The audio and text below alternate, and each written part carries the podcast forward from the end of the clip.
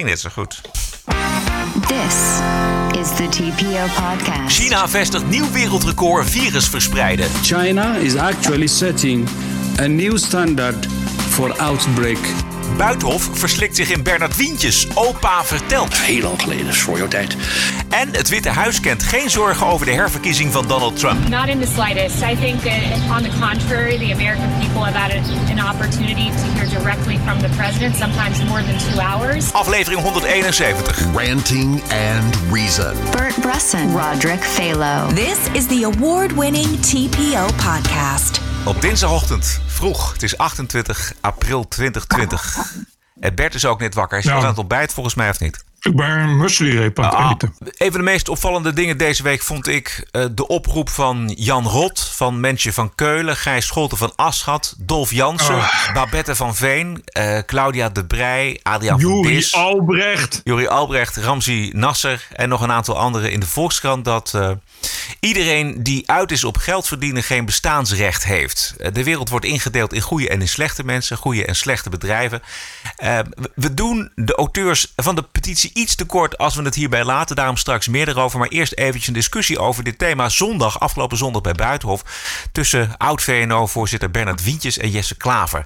Een tenenkrommend optreden van Wientjes. eh, die had ingezet op het kleineren van Jesse Klaver. Ik weet niet of je de brief van gisteren gelezen hebt. Uitstekende brief in de Volkskrant. Nee, er stond jouw naam niet bij. Eh, maar ik moet toch maar meneer Klaver zeggen... als je steeds uh, meneer Wientjes tegen mij zegt... we zouden toch je en jij tegen elkaar zeggen. Ik zeg toch graag Jesse. Ik heb de eerste vlucht meegemaakt. Heel lang geleden, is voor jouw tijd.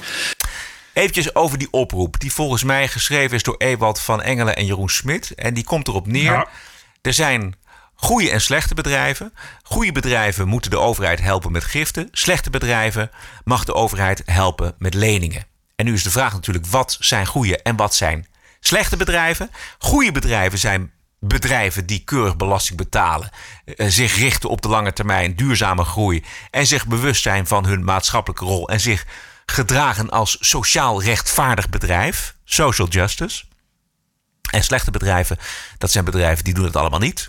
en die willen gewoon geld verdienen. En volgens de auteurs hebben die laatste bedrijven in deze wereld van groeiende ongelijkheid en klimaatproblemen geen bestaansrecht meer.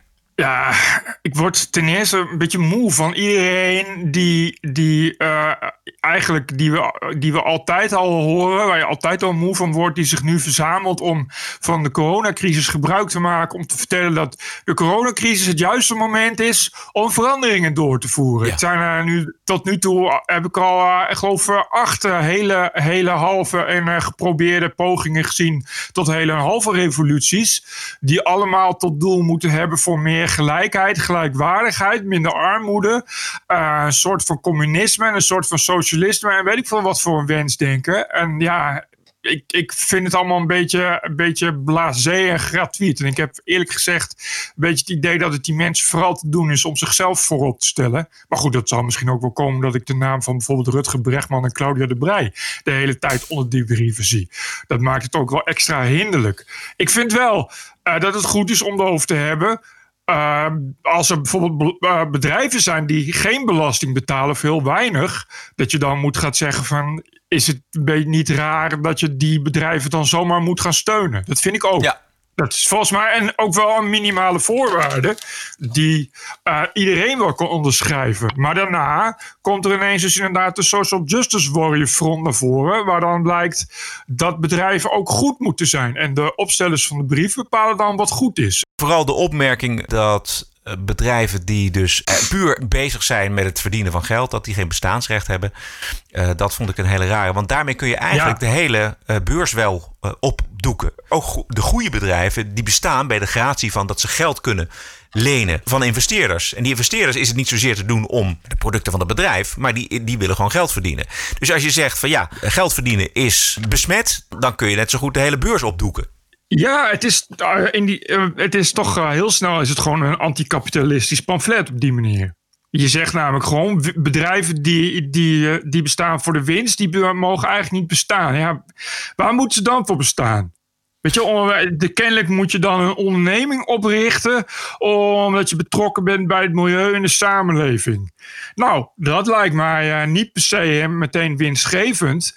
Dus dan zou het een idee zijn dat de overheid al die bedrijven gaat financieren. Hé, hey, wacht eens even. Een systeem waarin de overheid alle bedrijven financiert. Ja. Kennen we dat toch ook alweer van? Ja. Ik bedoel, ja, dat is, ik snap dat gewoon niet. Volgens mij de enige reden dat bedrijven bestaan, en dan heb je het toch echt over hele belangrijke bedrijven. Ik noem bijvoorbeeld de farmaceutische industrie. eh, Toch de industrie waar we het straks weer van moeten hebben als we vaccins nodig hebben. Ik noem überhaupt internet, Facebook, social media, eh, de auto-industrie. Ik, ga zo maar door. Dat zijn toch allemaal bedrijven die bestaan dankzij het pure feit dat ze winst kunnen maken. Want op, op het moment dat ze geen winst meer kunnen maken, hebben ze er geen zin meer in. Ja. Dus ja, ik weet niet wat voor, eh, wat voor maatschappij deze ondertekenaars dan voor zich zien. Maar ik zie heel gek een maatschappij voor met vijfjarenplannen en iedereen dezelfde trabant. Ja. Ik kan er niks anders van maken. Ja, het, het heeft een hoog utopisch gehalte. En dat eh, eh, heeft waarschijnlijk ook Rutger Bregman over de streep getrokken om er zijn handtekening onder te zetten. Maar het heeft inderdaad dat hele moraliserende eh, toontje. Ik, Ja. ik, ik, denk, ik, ik, ik moest ook denken aan wat de overheid eh, bijvoorbeeld ten aanzien van de cultuur en de kunsten al doet. De overheid mag alleen maar kunstenaars ondersteunen die zich bezighouden met diversiteit. Dat is, eh, dat, nee, dat is, dat is gewoon beleid in Nederland. Het lijkt wel alsof het dit de volgende stap is. Het is in elk geval erg besmettelijk. Eh, Ja, het is dit- besmettelijk, Dit, soort denken. Net zo besmettelijk als coronavirus. En ik vrees, ja, dit is ook een, een, eh, een symptoom van, eh, van waar we het net over hadden. eh, Van in tijden van crisis samen zijn. Dan krijg je dat dit soort, dit soort al dan niet eh, denkers toch, eh, toch gaan proberen om dat maar weer eens door te duwen. We hebben natuurlijk vorige week of twee weken geleden ook al eh, eh, sociologen en milieuwetenschappers die voor eh, een soort utopisch communisme pleiten na, na corona. En nu dit weer, ja.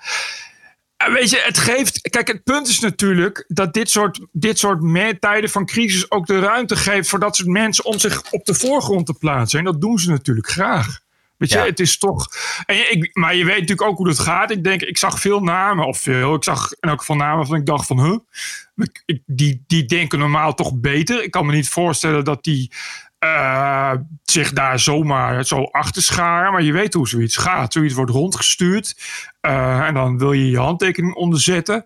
Eh, want eh, het idee is dan van we willen toch eh, iets laten horen over het feit dat. Want daar gaat het een beetje om. Hè? Bijvoorbeeld een bedrijf als Booking. Eh, Booking.com, dat dan ook bij de overheid aankomt. En, en, eh, en, en, de, en, grote, en de grote jongens die eh, liever nooit dividendbelasting hebben willen betalen. of nooit betaald hebben. die nu ineens ook overheidssteun willen. Nou, daar zet je dan heel gemakkelijk je handtekening onder. En dan als het stuk dan in de courant staat, dan blijkt ineens dat er toch nog iets anders stond dan waar jij aan had mee willen ondertekenen. Ja, maar ja, en Paul Polman heeft zelf ook ondertekend. ja, dat was toch wel heel grappig. Ja, de man van de dividendbelasting. Eh, Paul Polman, ja. Ik moet even uitleggen, denk ik. Dat is, eh, want dat was van Unilever. Ja, eh, Paul Polman is, is, is jarenlang de CEO van Unilever geweest. En die heeft zich altijd eh, naar eigen zeggen ingezet voor een duurzame wereld. Tegelijkertijd heeft hij ook Rutte proberen te bespelen om de dividendbelasting afgeschaft te krijgen.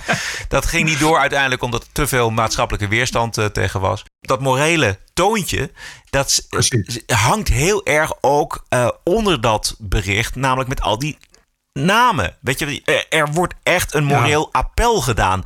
En dan heb je mensen als Claudia de Breij nodig.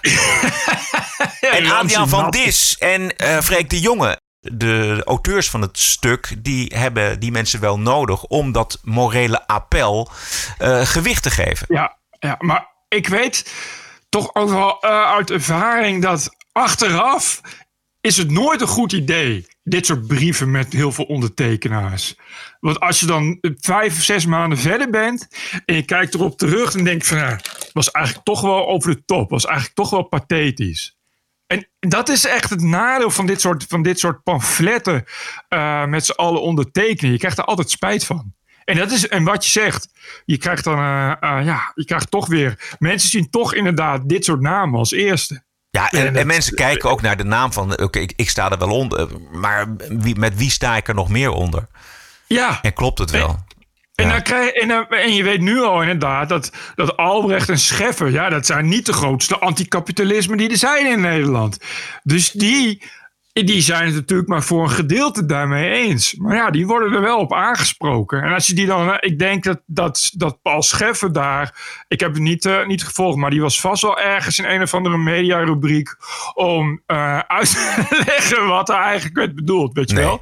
Het, zo gaat het altijd. En, en dat is het kut. Ik kan me herinneren, het is heel lang geleden. Eh, ja, dat was een- begin 2000 of zo. Volgens mij was het vlak na de moord op Van Gogh. eh, dat, dat dan eh, Hans Steeuwen en, en Holman en, en Eddie de Stal... ze hadden ook zo'n pamflet ge- getekend. Voor de vrijheid van meningsuiting. Weet je wel, nou, dat kwam dan bij toen nog Zembla of Nieuwsuur en dat soort dingen. Weet je, was dit dan ook zo'n ding. Als je er nu over spreekt, zeggen ze ook van, nou, ik zou het nu niet meer doen. Het was eigenlijk te pathetisch voor woorden. Ja, ja. Weet je, omdat het ook, dus het was dan ook weer, ja, we moeten de vrijheid van meningsuiting bewaken, bla, bla, bla. Maar ja, als je daar dan nu op terugkrijgt, dan, dan denk je, ja, nee, ik ga, dat zeggen ze ook, van ik ga dat niet, ik ga dat niet nog een keer doen. En ik denk dat, dat voor een gedeelte van de ondertekenaars nu dat ook gaan denken. Het is toch iets waar, je- waar je- je kan er zelf voor staan. En ik denk dat eh, Jeroen Smit en Ewout Engelen, Jeroen Smit weet ik niet, maar Ewout Engelen is toch iemand die niet... eh, nou, toch niet een rechtse jongen, zal ik maar zeggen. Dus eh, die- en iemand die wel inderdaad van, eh, van de flinke houtdegens, eh, houtdegen-ideeën houdt. Dus die kan daar prima voor staan. En die had denk ik dit stuk ook eens eentje wel- kunnen schrijven als column.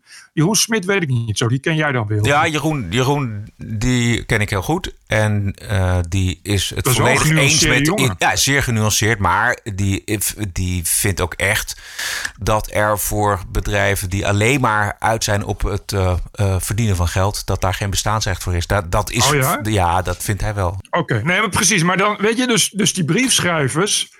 Da, da, en, en, en het is wat je zegt. Als ze dat met z'n tweeën doen, ja, dan maakt dat geen impact. Weet je, dan is het het zoveelste opinieartikel in de krant. Van Jeroen Smit en Ewald Engelen, waarvan iedereen zegt: Oh, daar heb je Jeroen Smit en Ewald Engelen. Nou, weer. maar, nee, maar dat zou ik interessanter hebben gevonden... dan zo'n hele waslijst Eens. aan, aan namen Eens. eronder. En dat is dus ook het grote probleem, vind ik, van dit soort dingen. Dat je inderdaad zegt, dat je, dat je, je leest die namen en iedereen is bijvoorbeeld al weg. Want je, je leest toch, oh, daar heb je weer Freek de Jong en Claudia de Brij. Maar wat moet ik met Claudia de Brij en, en, Jan Rot? Wat, wat, is dat? En ik vind Freek en Helle de Jonge vind ik ontzettend aardige mensen. En ik vind Freek de Jonge ook hele, een hele leuke cabaretier. Maar waarom, wat doet hij onder zo'n stuk? Wat, wat, wat geeft dat voor meerwaarde? Het geeft ook een heel, heel je, je voelt meteen op je ingebeukt. Je, je ziet meteen, Ja. ach, daar heb je ze weer. Te komen, maar en weet je, het is nu bijna elke week raak. Ja. Claudia de Brij is nou echt niet meer weg te denken van, eh, Nee. van het internet of social media. En elke keer weer, weer met hetzelfde. We moeten Ja. dit, we moeten dat. Dit is de kans om, eh, nou, nog veel meer in. Corona Precies, is de kans ja. voor en verdieping en samen zijn. Ik kan, en me- ik, kan me, opnieuw ik, denken. ik kan me eigenlijk geen, de afgelopen weken geen petitie bedenken waar Claudia de Brij niet onder stond. Nee, ja, exact. Maar dat heeft natuurlijk iedereen. En, en wat je zegt, het zou echt veel interessanter zijn als ze dit gewoon met z'n tweeën hadden geschreven. Ja. Dan kun je er ook een debat over houden. Juist. Want, want nu wil je er geen debat over houden. Dat je zegt van ja, dit is een, dit is een afgerond geheel. Dit is, Ja, een, dit dit- is een, een manifest wat jullie uitschreeuwen. Waarvan wij nu kennis hebben genomen. Doei. Kijk, maar dit vindt iedereen. Precies, ja. Nou, als iedereen het vindt, hoeft het niet meer over te hebben. Terwijl juist met Engelen en Smit zou je daar een heel goed debat over kunnen Ja, hebben. ja. Ze zouden er nog zes artikelen over kunnen schrijven. Een boek. En ik denk dat dat in de long run veel effectiever is. Ja. Er is veel voor en veel tegen te zeggen. De inhoud van het stuk, bekijk het stuk zelf vooral op de site van de, van de Volkskrant. Volgens mij niet achter een betaalmuur, dus iedereen kan het lezen. Maar nog even iets over die Bernard Wientjes. Want Wientjes, die zet alles opzij voor een paar extra euro's. Ook de rechten van volksvertegenwoordigers. Dit is Bernard Wientjes in 2008 over zijn oproep aan Geert Wilders... om diens film Fitna over de Koran niet uit te zenden. Hij moet zich ook realiseren dat effecten van zijn uitspraken, effecten zeker van een film, dat die zo groot kunnen zijn dat ze dus de belangen van Nederland in het buitenland en ook in het binnenland, maar zeker in het buitenland ernstig in gevaar kunnen brengen. En dan praat ik niet alleen over materiële belangen, maar dan praat ik ook over mensen die werken in landen die zich enorm beledigd zullen voelen door zo'n film. Heeft u concrete aanwijzingen voor dit soort eh, bedreigingen? We hebben in ieder geval heel duidelijke aanwijzingen dat er in vele islamitische landen plannen zijn om tot boycott van Nederland over te gaan. Ja, dit is dus eh, 2008. Dit was een fragment uit een video van VNO-NCW, van de werkgeversorganisatie. En wat ik vergeten was, Bert, was dat eh, het veel meer dan een oproep was. Zowel het kabinet als Wientjes, die hebben er toen de tijd alles aan gedaan om de film te verbieden. Kijk, we praten over een film. We kennen hem niet. Dat is het bizarre in de, in de hele discussie. Waarvan we zeker weten dat verreweg iedereen het een vreselijke film zal vinden. Het is geen culturele uiting. Het is geen, geen uiting eh, tot, die bijdraagt tot de harmonie in de wereld. Het is waarschijnlijk een zeer agressieve uiting. Die niets brengt dan alleen maar ellende. Zou je de vertoning van zo'n film niet gewoon kunnen verbieden? Ja, we hebben natuurlijk alle mogelijkheden onderzocht. Dat heeft u onderzocht. Ja, en ook het kabinet heeft het onderzocht. Blijkt uit de publi- publicaties eh, van de laatste dagen. En op een gegeven moment is het natuurlijk gewoon een feit. Het kan gewoon niet. En dan moeten we ook dat feit accepteren. Dank u wel. Graag gedaan. Goh, Ik was dat helemaal vergeten. Dat, dat de film niet gezien is door Wientjes. En dat hij toch gepleit heeft om die film verboden te krijgen. bijvoorbeeld al, hè? Ja, bij voorbaat. Alleen maar bang voor zijn centjes. Ja, maar dit is, dit is natuurlijk ook bang voor Wilders. Dit is natuurlijk, natuurlijk. Ik denk dat zelfs als Wilders al hardop zoiets had gedacht, had hij al geroepen verbieden. Dit is weet je, dit is dezelfde. Dit is echt de typische kramp die in al dat soort mensen leeft. Dat is, oh, dat is onvoorstelbaar dat je zo'n oproep doet aan een volksvertegenwoordiger. En eh, dat je het eigenlijk achter de schermen druk bezig bent geweest om die film te verbieden.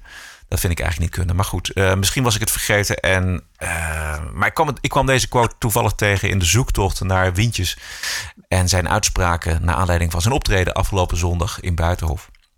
Nou ja, goed dat we dit nog even, even horen, inderdaad. Dus dat, we, dat we weten hoe het dus gaat. Dat, eh, eh, en eh, dat we weten hoe het dus bij eh, het ministerie van Justitie sindsdien toch alles op alles is gezet om in elk geval iets van Wilders te verbieden. Als het even kan, Wilders zelf. Maar dat is dus een, toch wel een beleidsbreedte denken altijd geweest, denk ik zo. Ja.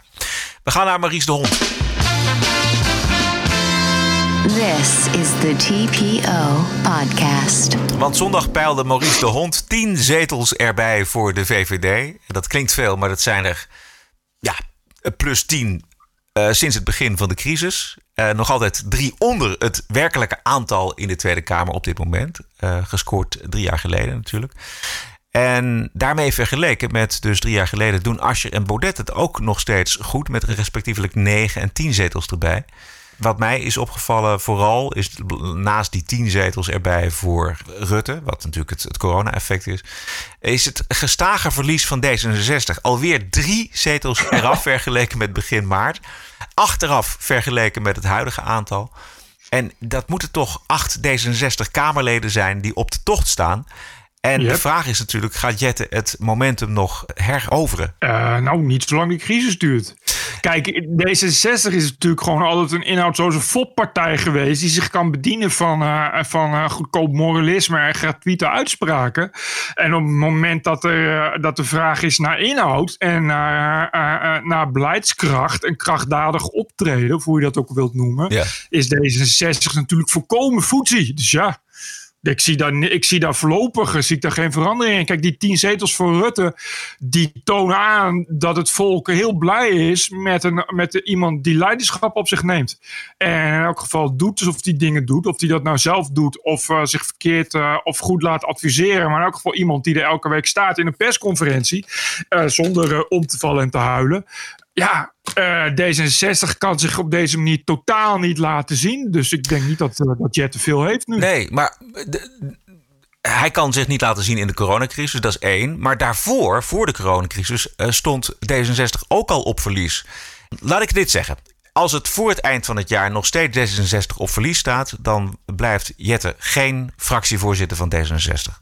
Nee, dat denk ik ook. En ik denk eh, dat eh zonder Jette er heel weinig overblijft van D66. Nou, Ik- iedereen hoopt natuurlijk op ehm Sigrid Kaag. Ja, kijk, de, de enige troef die ze nog hebben is Kaag. Wat natuurlijk een door de wol geverfd iemand is. En hè, die is, die is echt populair onder de mensen hoor. Want ik heb haar een keer meegemaakt Exact. in de Bali. En toen waren er ook fans van haar. Nou, die fans zijn natuurlijk automatisch eh, fan van haar. Maar eh, er is wel. eh, zij, heeft, zij geniet enorme populariteit en autoriteit ook in die partij. Uh, en ook van een fors, forse factie binnen D66, die natuurlijk toch ook uh, al, nu al zinspelen op Sigrid Kaag als premier. Want ze willen een vrouwelijke premier. Oh ja, precies. En dat kan er natuurlijk maar één zijn. Uh, Ollongren is niet zo'n succes. Tot nu toe Kaag staat echt veel beter in. Hè? Ja. Dat is natuurlijk ook minister van Buitenlandse Zaken, die natuurlijk ook al zoveel diplomatieke ervaring heeft. Ja, maar om premier te worden, moet ze wel ook met D66 de grootste partij worden, volgens mij. Ja, nee, maar precies. Maar los daarvan, maar die ambitie die wordt wel steeds vaker uitgesproken. Ja. Dus als ze ergens een kaart op gaan zetten, dan is het Kaag. Ja.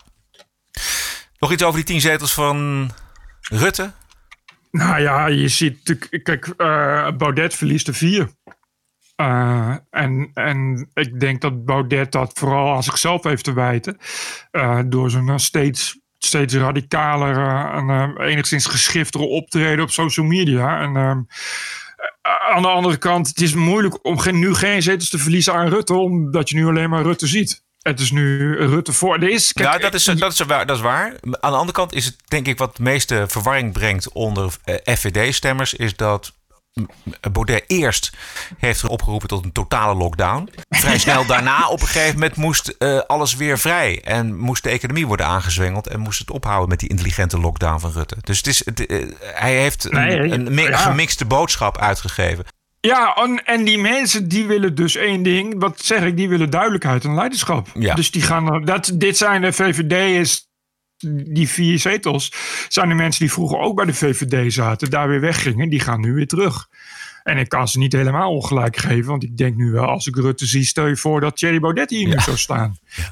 Ik, ik geloof niet dat ik erg blij word van, uh, van een crisis en met, uh, met daarin een leider die zich laat baseren op de tips en adviezen van Robert Jens en Jan Roos.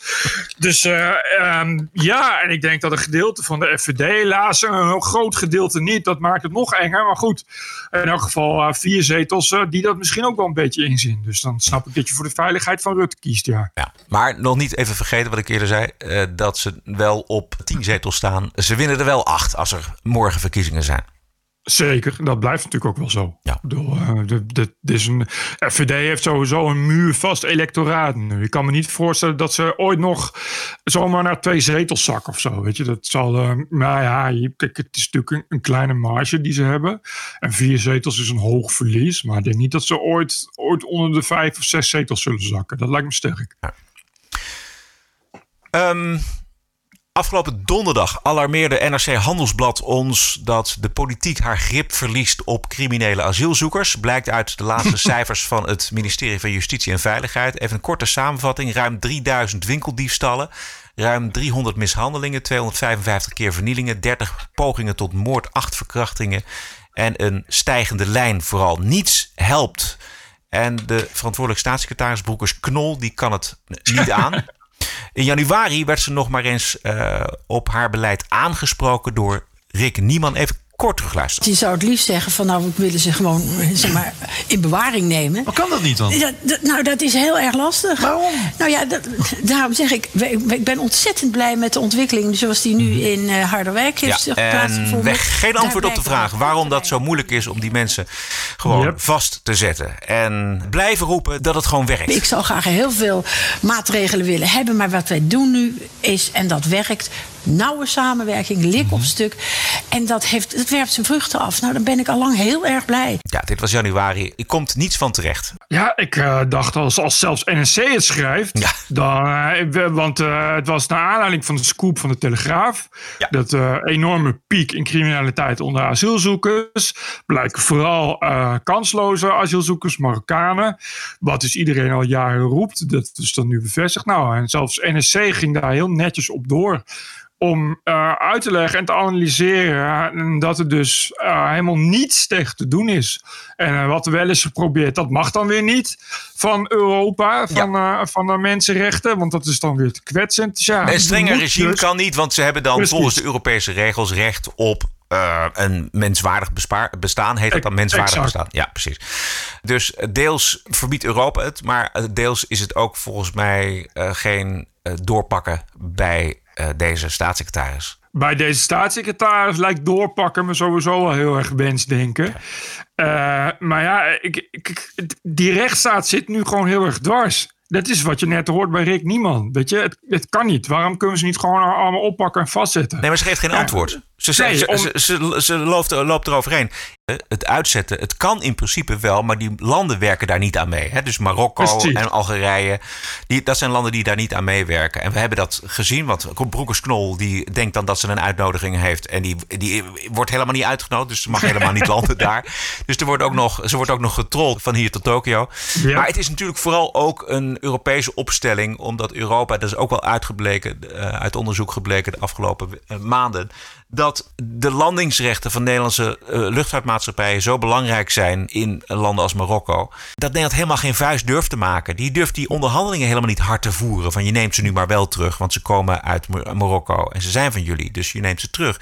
Precies. En als je zegt van oké, fijn, maar toch gaan we nu druk zetten, dan krijg je dus boze Bernard Wientjes op je, op je dak. Ja, exact.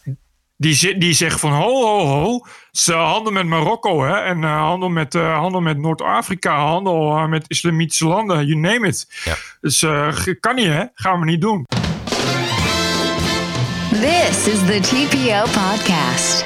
Eventjes naar de petitie om de Ethiopische voorzitter van de Wereldgezondheidsorganisatie te wippen. Die staat nu op anderhalf miljoen. Dat is natuurlijk nog niet zoveel, maar het is wel nodig. En wel hierom. As you know, I was in China just a few days ago, where I met with President Xi Jinping. As I have said repeatedly since my return from Beijing, the Chinese government is to be congratulated for the extraordinary measures it has taken to contain the outbreak. The speed with which China detected the outbreak, isolated the virus, sequenced the genome, and shared it with WHO and the world are very impressive and beyond words. So is China's commitment to transparency. China is actually setting a new standard for outbreak response, and it's not an exaggeration. Tedros Adhanom. Hij is eh, de grote voorzitter van de WHO. En dit was een fragment van 30 januari. Dat is een maand nadat de eerste Chinese artsen gemuilkorfd werden door de Chinese leider Xi. En Tedros die is tot op het bot corrupt en moet daar weg. Ik heb vlak voor de uitzending heb ik getekend. Bert, heb jij al getekend? Eh, nee, ik, ik, ik zag het alleen voorbij komen. Ik had toch niet de- die petitie zelf gezien. Maar nee, man, die die is echt volgens mij vuistdiep corrupt. Die, die, die, die, die Tetros, die krijgt daar, heeft er ook heel veel geld van gekregen volgens mij destijds. Dat China is sowieso, die zitten ook al eh, vuistdiep in de VN. Ik zag op, op, op social media ook, ook zo'n staartje voorbij komen van alle organisaties wereldwijd. Waar eh, China al heel veel invloed op heeft. Dat zijn er niet weinig. Ja. Weet je, al, alles waar, waar, waar W van, van, van wereld en H van held bij in staat in die afkortingen. Daar zit een hoge functionaris van China. Maar ja, de WHO, de- deze gast, het is echt China voor en China na. De macht van China gaat nog veel verder dan alleen die VN-organisaties. Want ze gebruiken ook hun economische macht. Eh, ik las vanmorgen dat eh, China Australië heeft gedreigd met economische consequenties. als ze een onderzoek instellen naar de wijze waarop de Chinese autoriteiten zijn omgegaan met het coronavirus. There you go. En- dat doen ze dus ook bij de WHO. Dat doen ze precies bij, ook bij de WHO. En een fantastisch stuk in de New York Times. Die kwam vrijdag met het verhaal dat Europese ambtenaren een rapport hebben gecensureerd over de Ja. druk van Chinese, eh, of onderdruk van de Chinese ambtenaren. Het was een rapport over hoe China het verhaal rond corona probeert eh, te draaien, eigenlijk, hè, te framen Ja. op een andere manier Ja.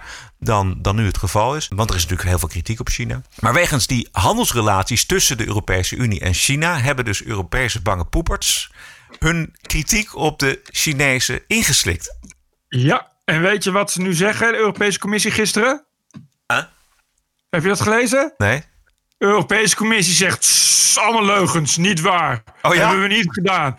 Alleen ze kunnen dat niet bewijzen. Ze hebben ook geen voorbeelden. Weet je wat ze als voorbeeld hebben gegeven? Weet je wat ze als voorbeeld hebben gegeven? De Europese Commissie, Nou? doodleuk. Ze hebben, ze hebben letterlijk gezegd, wij opereren altijd volledig onafhankelijk.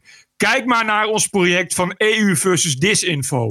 Serieus. Dat hebben ze als bewijs aangevoerd dat Europa altijd afhankelijk opereert. En EU versus disinfo, voor degenen die nog niet weten wat het is of niet meer weten, dat is dat uh, met miljoenen gesubsidieerde internetproject, waarop uh, elke dag zogenaamde voorbeelden van Russische desinformatie worden gepubliceerd. 99% van de voorbeelden heeft vrij weinig met Russische desinformatie te maken, maar vooral met Europese desinformatie richting Rusland. De EU versus wordt ook beheerd door uh, uh, landen die aan Rusland grenzen en vooral heel veel hinder ondervinden van Rusland. Dat zijn voormalige Oostbloklanden. en Nederland heeft zich destijds via minister Ollongren moeten afsluiten van EU versus disinfo, omdat ze onder andere de Post Online en nog wat media hadden beschuldigd van nepnieuws en desinformatie, terwijl het allemaal echt nieuws en echte informatie was. Dus als er nou één voorbeeld is van hoe uh, Europa niet onafhankelijk handelt, dan is het wel EU versus disinfo. Kortom, ja. ik, ik vond echt die ontkenning van de Europese Commissie was zo'n beetje de bevestiging ja. van de geruchten in de New York Times. Of Ja. geruchten van, van wat de New York Times, Nou, die bovendien precies. toch dat keurig onderbouwt. dus Nou, dat heel goed stuk. ontkennen. Ja, het was echt een heel goed stuk in de New York Times. Er was geen spel tussen te krijgen. Ik bedoel, als je het wil debunken, dan moet je daar met feiten mee komen. Iedereen kan natuurlijk op zijn klompen aanvoelen dat dat natuurlijk waar is. Dat China daar natuurlijk enorme druk op zet. Ja. En dat daar inderdaad natuurlijk een extreem belangrijke eh, handelsrelaties eh, op het spel staan. Dat is nou eenmaal hoe het gaat in de wereld. Weet je, dat is, dat is ja. ieder, ik snap ook niet, dat vind ik het domme ervan, dat de Europese Commissie dat dan zo gaat, gaat ontkennen. Ja. Het zegt dan niks. Ja. Dat, het maakt het veel erger. Ja. Ehm, wat heel erg is, is dat dus die macht van China eh, zo groot is, mede omdat de Europese Unie daaraan toegeeft. Hè. Die zijn als de dood voor eh, verkeerde handelsrelaties met China. Kijk, als Australië nu ook gaat toegeven, omdat ze bang zijn dat eh, China met maatregelen komt, dan hebben we eigenlijk nog maar één eh, figuur in de wereld die de Chinezen durft te trotseren. Dat is Donald Trump. En Ja. hij is de enige die ze aan kan eigenlijk. Dat is ook het rare. Dat de EU zit, eh, zit eh, helemaal, helemaal paranoïde continu op Rusland. Terwijl China, waarvan je toch nou, niet- nou echt niet kan zeggen dat het niet aan de weg timmert om macht te verwerven. Dat is eh, nog steeds met zijde handschoentjes wordt het aangepakt. Ja. Die Chinezen zeggen dan gaan we gewoon minder Duitse auto's afnemen als jullie Yep. dit, dit doorzetten. Yep. En dan is het, wordt er gewoon gerekend in Duitsland en in Brussel. En dan zeggen ze, nou oké, dan schrappen we die passages. Zo gaat Ja, het. dat krijg je dan. Daar, daar, eh, maar goed, dat, dat is wel een beetje dan je eigen schuld. Hè. Dan moet je daar ook wel een beetje mee leren omgaan. En eh, als Trump dan inderdaad zegt: Ik ben die WHO wel een beetje zat, want China. Dan eh, gaat iedereen huilie-huilie doen. Terwijl ik denk: van nou. Ik begrijp, ik begrijp heel goed dat Trump dit zegt. Wees blij dat Trump als, als enige machtige natie daar nog tegenover staat en daar nog tussen zit. Ja, ja eens. We gaan waarderen en doneren, Bert. De TPO Podcast. is gratis. Hoeft u niet voor te betalen. Maar het maken is niet gratis. We stoppen er veel tijd en geld en liefde in natuurlijk. En wat wij u vragen is: welke waarde heeft de TPO-podcast voor u? Is dat 1 euro per aflevering? Is dat 10 euro in de maand? Is dat 100 euro? Welk bedrag is het u waard? Stel, je gaat naar de winkel voor een krant of een tijdschrift, of je huurt een film, of je koopt iets bij Bob.com of Amazon betaal je voor? Wat is de TPO-podcast jou waard? Waarderen en doneren kan op tpo.nl slash podcast. En commentaar en suggesties kunnen naar info.tpo.nl. Bert. Ja, Alexander Kuhne. Dat is een eh, eh, U, is dat met U-omlaut. Alexander Kuhne. Heren, elke week kijk ik met plezier uit naar het moment dat jullie podcast weer online gezet wordt. Heerlijk om telkens weer naar een uurtje Ranting and Reason te luisteren. Gisteren 50 euro gedoneerd. Ga zo door. Met vriendelijke groet, Alexander Kuhne. Geweldig, Alexander. Alexander Kuhne. Dankjewel.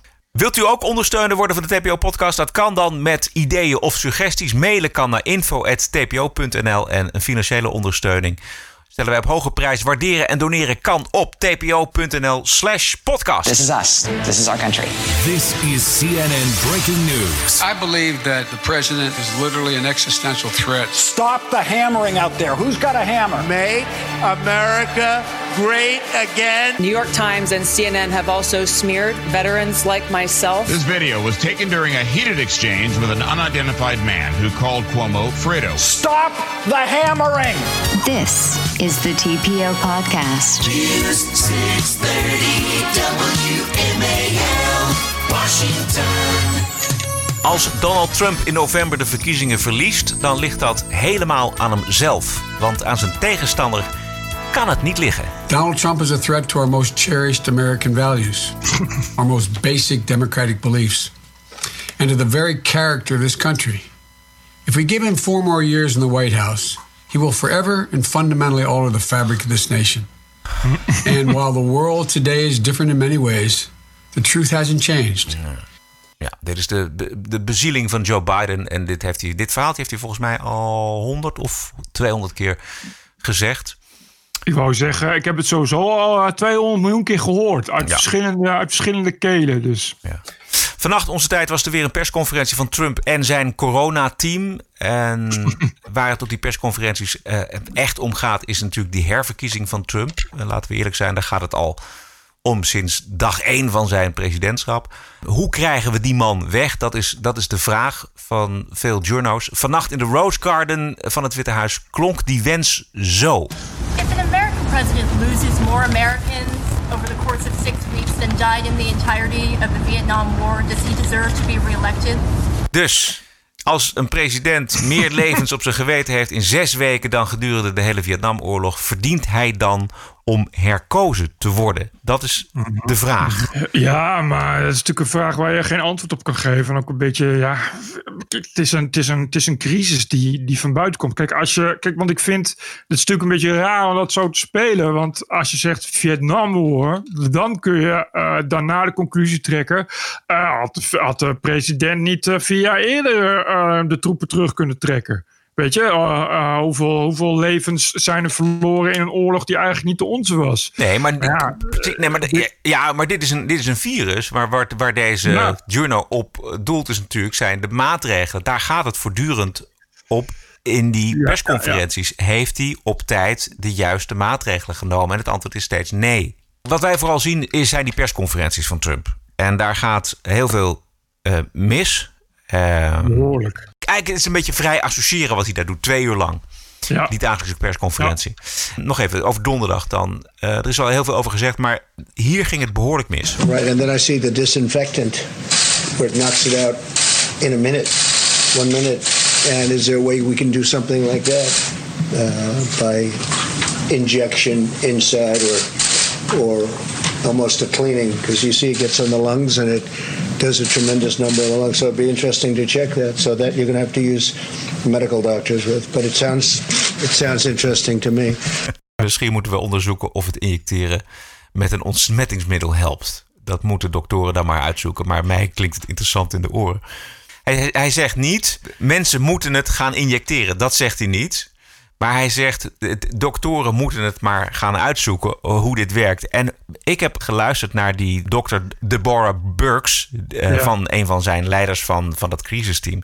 Hoe die nou bij dit soort uh, uitspraken komt. Dat we even luisteren naar haar in een interview ah, met... Ja. Uh, of Fox of CNN was het. Some criticism from some precincts says that the president does not listen to science and was too slow in confronting this virus. Do you agree with that or not? Well, I arrived on the scenes the 2nd of March, and I can tell you throughout those seven and a half weeks, he's every piece of data that we get to him, he looks at, he talks through, he asks questions, and he asks questions that shows that he understands the data. We have to understand public health charts are very much like economic charts, and so he has a strong foundation in, data in general, and so being able to explain to him what's happening in the United States, county by county, and he really likes to see the data in a very disaggregated way. He wants to know what's happening at the county level, at the community level, at the state level, and what's happening globally. So you didn't believe the president was putting anybody in danger, did you? No, when he gets new information, he likes to talk that through out loud um, and really have that dialogue. And so that's what dialogue he was happen- having. I think he just saw the information at the time, um, immediately before the press conference, and he was still digesting that information. Ja, zo gaat het dus. Ja, dus Exact. hij, hij hoort iets vlak voor die persconferentie en dan het het komt dat in die persconferentie ter sprake. En dan zegt hij, nou, ik, ik heb zoiets gehoord. Dat, daar, daar laten ze gedachten over gaan. En dan vervolgens zegt hij, eh, dat is natuurlijk wel iets voor doktoren die moeten dat uitzoeken. Maar inmiddels heeft hij dat wel gezegd. En Ja. valt iedereen over hem heen. Ja, want eh, eh, weet je, hij had het dan ook over, eh, over UV-licht en zo. Nou ja, dat blijkt dus dat, het- dat ze inderdaad bezig zijn met experimenteren. Je kan zo'n zo'n zo'n zo'n katheter kun je inbrengen in de longen. En dan kun je, kun je die longen met UV-licht be- een beetje bestralen en zo. Dat, dat heeft hij dus gewoon van waar de wetenschap mee bezig is. Ja. Ja, maar ja hij, hij onderbouwt dat niet en wij zien dat niet. Dus, dus daarna komen mensen die, die hem dan belachelijk maken. Met een beetje ja. Weet je, en ik vind ook, eh, ja, dan krijg je dus dat mensen zich gaan injecteren met bleek. Ja, maar ja, er zijn nou eenmaal heel veel domme mensen. Weet je, dat, vind ik zo, dat vind ik dan zo makkelijk om dat dan op Trump op te ja, hangen. precies. Laten we even luisteren naar CNN en Anderson Cooper... die op de gebruikelijke manier, zijn gebruikelijke manier... eh, omgaat met dit soort uitspraken van Donald Trump. Um, I, I mean, again, I, I'm going to leave it up to you two, but it just seems wildly irresponsible for the president of the United States to be musing out loud about people injecting disinfectant, uh, uh, you know, used bleach and other disinfectants used to kill viruses on surfaces and in your kitchen. Uh, doing anything with that internally is just. Doctors, Right. what, what, what do you make of it? and he also said it, you know, it needs to be studied. Actually, it doesn't. I mean, we, we, we know the answer to this one. You know, I mean, there's a lot of things out there that we don't know the answers to, and we need to investigate. But the idea that we would do a trial of some sort and inject some people with disinfectant and some people not, and see what happens. I mean, as you point out, I think I think everybody would know that that would be dangerous and, and counterproductive, and, and not at all moving us in the right direction. I don't know, Lena. What do you think? Yeah, I completely agree. And I also worry that there are a lot of people for whom President Trump is the most trusted messenger. And I really hope that people are not listening to what he said tonight and thinking, well, maybe I should try this myself at home. Ja. Ja, ik, ik, bedoel, hij zegt, hij zegt ook niet, hij heeft ner- nergens gezegd, oh, je moet bleekmiddel inspuiten. Hij zegt van, ja, dan moeten dokters dan maar onderzoeken. En, hij, en wat je zegt, hij, hij doet dan vrij associëren. Dus hij zegt, nou ja, bleek eh, of, of, eh, of desinfecten. Nou, misschien, eh, misschien als, je dat, als je dat kan inbrengen, misschien dat dat helpt. Weet je wel, ik vind het, ja, dat het, ik snap gewoon niet, ja, er zijn, natuurlijk zijn er domme mensen die dan thuis bleekmiddel gaan injecteren. Ja. Ja, ik weet niet. Ja, misschien is het ook wel een idee om, om, een, stukje, om een stukje Darwin toch maar op zijn vrije beloop te laten. Ja, dat, dat heb je altijd. Het maakt natuurlijk niet zoveel uit welke president je hebt. Er zijn altijd mensen die, die op dat moment denken van... oh, dat ga ik dan zelf proberen. Ik snap niet helemaal wat, wat Trump daarmee te maken heeft. In het Witte Huis is gek genoeg niemand twijfelt aan zijn eh, herverkiezing in november. Woordvoerder van het Witte Huis. Is there any concern that these briefings or uh, the president's comments during them may be hurting his poll numbers? Has he been advised? Not in the slightest. I think, uh, on the contrary, the American people have had a, an opportunity to hear directly from the president, sometimes more than two hours. So I think that they get um, a, a very clear insight and look into who this president is without the filter of the media. They get to directly hear from him, and I think that's a very good and positive thing. De, de pers gaat het niet om het virus. De pers eh, gaat het om de fouten die, die Trump maakt. Precies. en Trump maakt een aantal fouten, al was het maar eh, zijn manier van communiceren. Ja, er zijn mensen die dat geweldig vinden, maar dit is, dit is vooral, dat is wat ik bedoel met het voeden van zijn vijanden.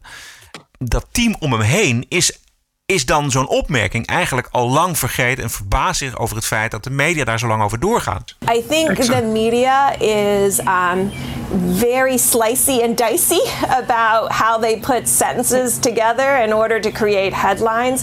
I think, you know, Amer- we know from millennials and other studies that some people may only read the headlines, um, and if there's not a graphic, they're not going to look any further than that. And I think we have to be responsible about about our headlines. I think often the, the reporting may be accurate in paragraph three, four, and five, but I'm not sure how many people actually get to paragraph three, four, and five. And I think the responsibility that the press has is to really ensure that the headlines reflect the science and data that is in their piece itself. Nou, hoor je toch eens van, hoor je toch eens van een ander, Bert? Ja, pff, nou, dan moet je bij CNN en de New York Times en de Washington Post bij aankomen, zeg. Tering. Ja. Ja, ja, zij zegt het goed, maar ja, eh, welkom, eh, welkom in de huidige age of journalism, zal ik Ja, maar zeggen. ja, ja. Heb jij nog wat? Heb jij nog steeds eh, een eh, Volkskrant abonnement? Ja. Valt dat nog? Mm, ja, het, is de, het is de beste ochtendkrant die er is. Ik, eh, eh, voor mij dan. Ja, ja, ja, nee, ochtendkrant. Maar ik heb nu eh, zo'n abonnementje op NSC.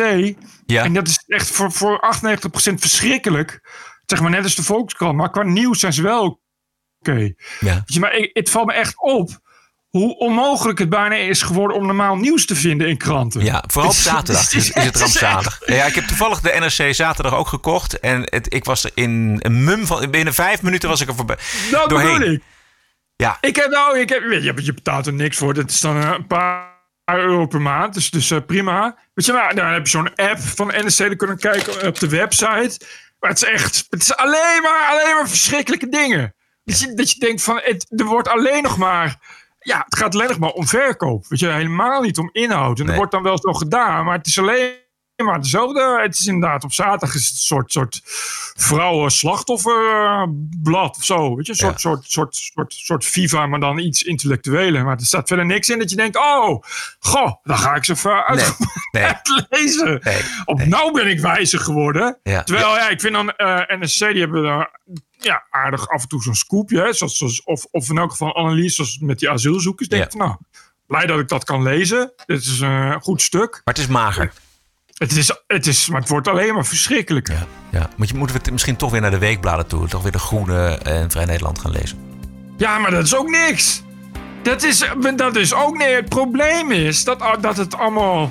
Dat het allemaal. eh, ja, het moet verkocht worden. Ja, dus dat- ja. dus wordt het, moet, het, moet er een soort.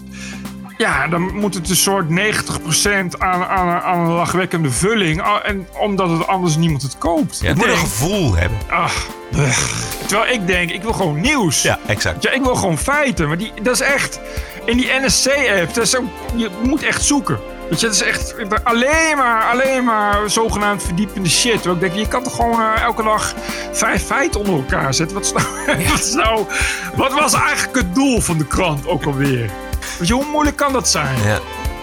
Ja, hij is gewoon, is gewoon weg. Ja, het is het is gewoon, vind ik gewoon raar. Tot zover aflevering 171. Wij bedanken iedereen die deze week gedoneerd heeft aan de TPO-podcast. Dat kan anoniem, dat kan ook met naam en toenaam. In dat laatste geval laat het ons vooral weten in een berichtje. Ons adres is info.tpo.nl. Eh, financiële ondersteuning kan op een aantal manieren. Kijk op tpo.nl slash podcasts. Wij zijn terug dinsdag 5 mei. Heb een mooie week en tot dinsdag. Ja, tot dinsdag. TPO Podcast. Bert Bruson, Roderick Balo, Ranting and Reason.